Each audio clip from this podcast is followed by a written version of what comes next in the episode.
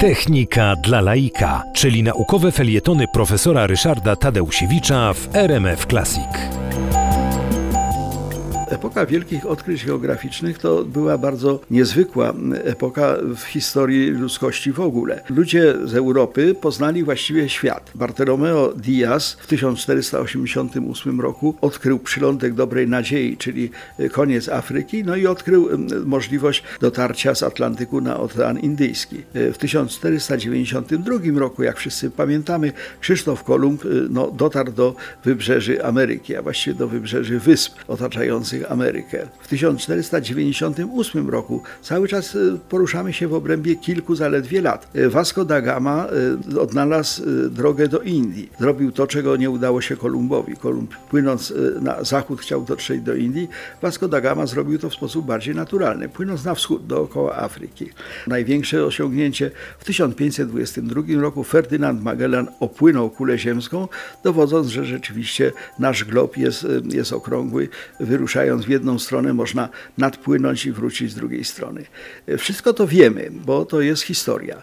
Natomiast jest pytanie, co się stało, że to w ogóle było możliwe. No oczywiście z jednej strony dzielni żeglarze. Wszyscy ich w tej chwili sławimy, chwalimy. Jakkolwiek tak zwana rdzenna ludność, czyli na przykład w Stanach Zjednoczonych e, Indianie, mówią, że nie, nie, nie, temu Kolumbowi to się nie należy żadne wyróżnienie, bo przecież myśmy tu zawsze byli, no i nas nie trzeba było odkrywać i tak dalej. Jest e, oczywiście oczywiście e, też e, czynnik natury politycznej. Królowie Hiszpanii, królowie Portugalii no, pragnęli złota, pragnęli skarbów, pragnęli e, przypraw, wobec tego wysyłali te statki. Ale jest czynnik, na który ja jako inżynier chcę zwrócić uwagę.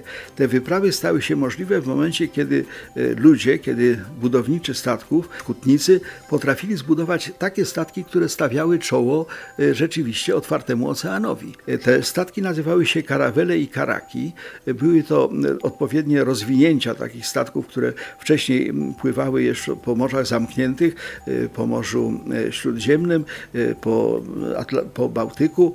Natomiast karawele i karaki stawiły czoła oceanowi. Statek Santa Maria Columba, ten główny statek, który przepłynął ocean, to był karaka. On był bardzo mały. Rozmiary były 21 metrów długości, 5,5 metra szerokości, 3,2 metra w pionie, czyli dla mrużenia, miał zaledwie 150 ton, 40 marynarzy.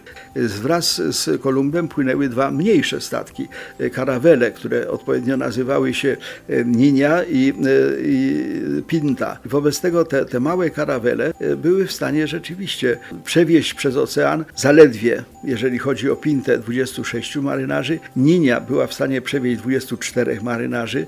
To były rozmiary rzędu 15 metrów długości, 4,8 metra metra szerokości, 2,5 metra zanurzenia, 50 ton wyporności. Obecnie jachty rozrywkowe mają podobne wymiary. A tymczasem dzięki doskonałości tych statków pokonaliśmy oceany.